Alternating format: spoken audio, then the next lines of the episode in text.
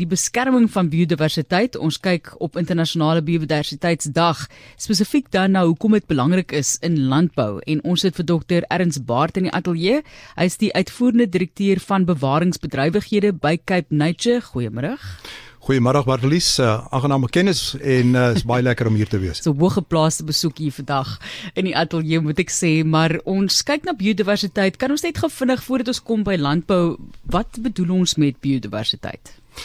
Maar lees biodiversiteit die die term uh die konsep van biodiversiteit is is regtig baie baie wyd. 'n Mens kan uh baie lank praat daaroor en so aan, maar in kort kom dit daarop neer dat wanneer jy in die buitewêreld is, nie soos ons nou in 'n gebou is nie, gaan dit oor basies die som totaal van van alles wat lewe en nie lewe uh, biodiversiteit is oor gaan oor die lewende deel van die natuur. Aan die ander woorde al die goggas, al die ander diere, die plante, die die die uh, ensovoorts en dan ook die abiotiese, so die biotiese en dan ook die abiotiese deel wat die water, die sand, die klippe, die rotse, die berge insluit, maar saam vorm dit 'n eenheid. Dit word saamgeweef deur die natuur.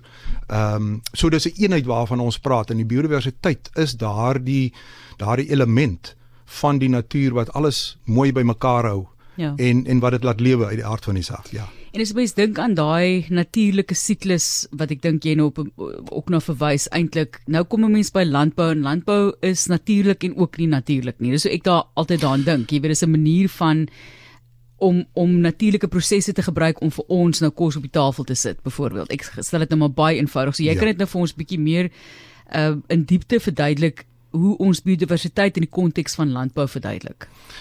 Marlies dit ehm uh, dit gaan ook weer eens ek dink oor die oor die groter uh, beskouing wil ek amper sê van die wêreld rondom ons. So Uh, dit is 'n baie bekende feit dat meeste biodiversiteit byvoorbeeld in in Suid-Afrika en en, en ek ek sou reken wêreldwyd ehm um, is te vind op op uh, op privaat grond. Met ander woorde dieselfde in in Suid-Afrika ook in uh, so met ander woorde in die boerderybedryf is daar ehm um, baie biodiversiteit waarvan 'n mens kan bewus wees en wat jy in ag behoort te neem. So wat ek ek dink wat ek ook probeer sê is dat uh, daar's altyd plek vir boerdery uit die aard is is dit is 'n belangrike uh, aspek van almal van ons lewens ons moet lewe ons moet voedsel hê en so aan.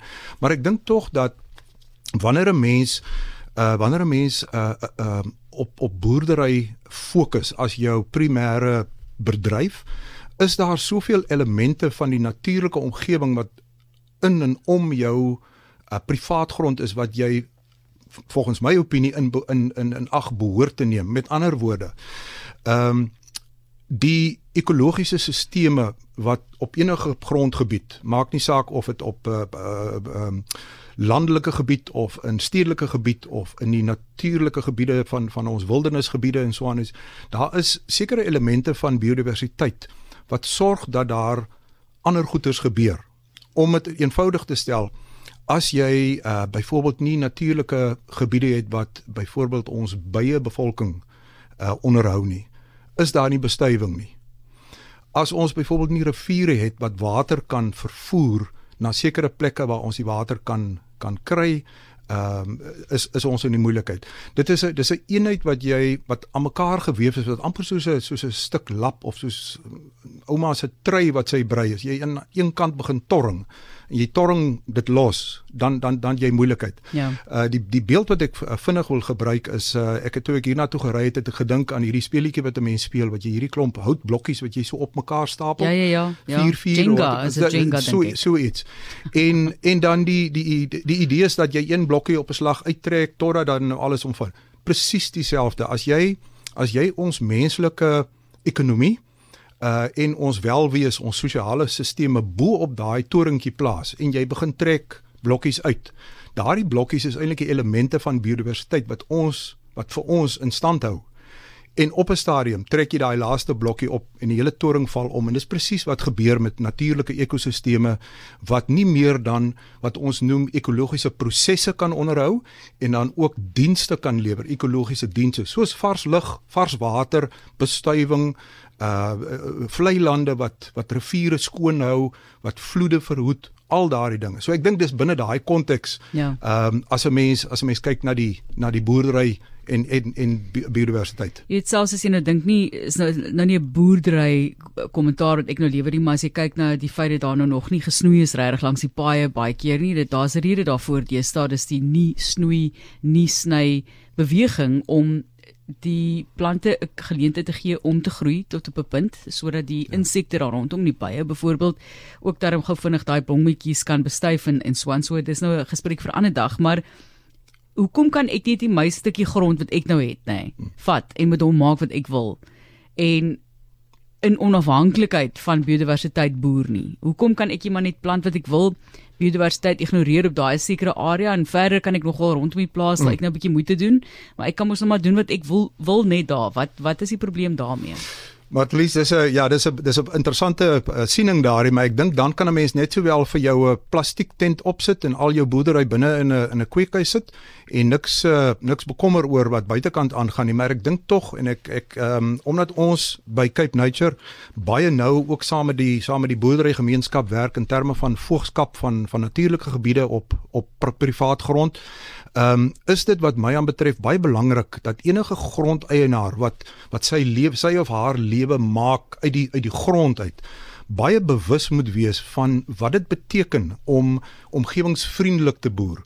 Uh daar's groot beweging oor die afgelope 10, 15, 20 jaar van meer omgewingsvriendelik om toe te laat dat die natuur vir jou help of vir jou ondersteun om dan jou produk te lewer. Presies wat jy gesê het moet ehm uh, uh in die in die in die in die padreserwes uh die die die plattelandse mense praat van die lang kamp. Ehm uh, in daardie padreserwe as jy toelaat dat die dat die uh die natuur sy sy gang gaan help dit weer om die omliggende gebiede wat miskien 'n bietjie oorbewei is of wat ontwikkel is en so aan om dit weer te ondersteun. So ek dink om terug te kom by jou by jou uh, stelling wat jy gemaak het is Ehm uh, ek dink 'n mens sal baie arm wees as jy net vir jouself uh boer en nie in in in in koalisie as ek dit nou in sulke terme mag moet stel uh met die natuur. Ehm um, stel jou voor ehm um, enige gegeewe plaas wat 'n pragtige rivier deurvloei met 'n vlei land en so aan. Alles wat daardie rivier en die vlei land bied vir die boer en vir haar op sy uh uh um pro produksie uh terme is is onskatbaar wat ja. my wat ons aan betref vanuit 'n natuurbewaringsoogpunt. Dis 'n wederwysige voordelige verhouding Absoluut. wat jy eintlik wil skep daarso. So ons gesels oor biodiversiteit en landbou spesifiek met Dr. Ernst Baart, hy is die uitvoerende direkteur van bewaringsbedrywighede by Cape Nature en op daai noot dan nou juis watter rol kan biodiversiteit speel in voordeel van jou boerdery. So Ons praat nou van boere wat regtig moet optimaliseer in terme van hoe hulle boer om soveel as moontlik geld te maak. Alles gaan maar oor voortbestaan. Jy moet finansiëel op jou bene kan wees. Dit help jy is net baie goed vir die omgewing en en jou besigheid val nie. So watter bydrae maak biodiversiteit dalk voordelig tot die boer se bestaan? Maar Lies, ek dink ek eh, ek wil so antwoord deur te sê dat ehm um, op enige gegeewe plek uh in in in ons natuurlike ekosisteme uh, is is die konsep van fragmentasie. Met ander woorde iets wat uh, die die omgewing wat begin verbrokkel of wat wat gefragmenteer word, is 'n baie is 'n baie belangrike aspek van van om 'n gesonde ekologiese stelsel te hê wat vir jou ondersteun vanuit 'n natuurlike oogpunt. Met ander woorde, ehm um, as as 'n stuk grond so bestuur kan word dat die natuurlike ekosisteem saam met jou produksie uh grond om dit so te stel amper wil ek sê 'n 'n natuurlike onnatuurlike 'n verweefde stelsel vorm sodat jy daardie bestuivingsdienste van die van die van die bye en nie net die bye nie die muise die voëls die albei dinge is uh bymekaar kan trek. En en as jy dit kan goed bestuur uh op 'n gesonde manier bestuur sodat dit ten gunste van jou van jou boerdery is.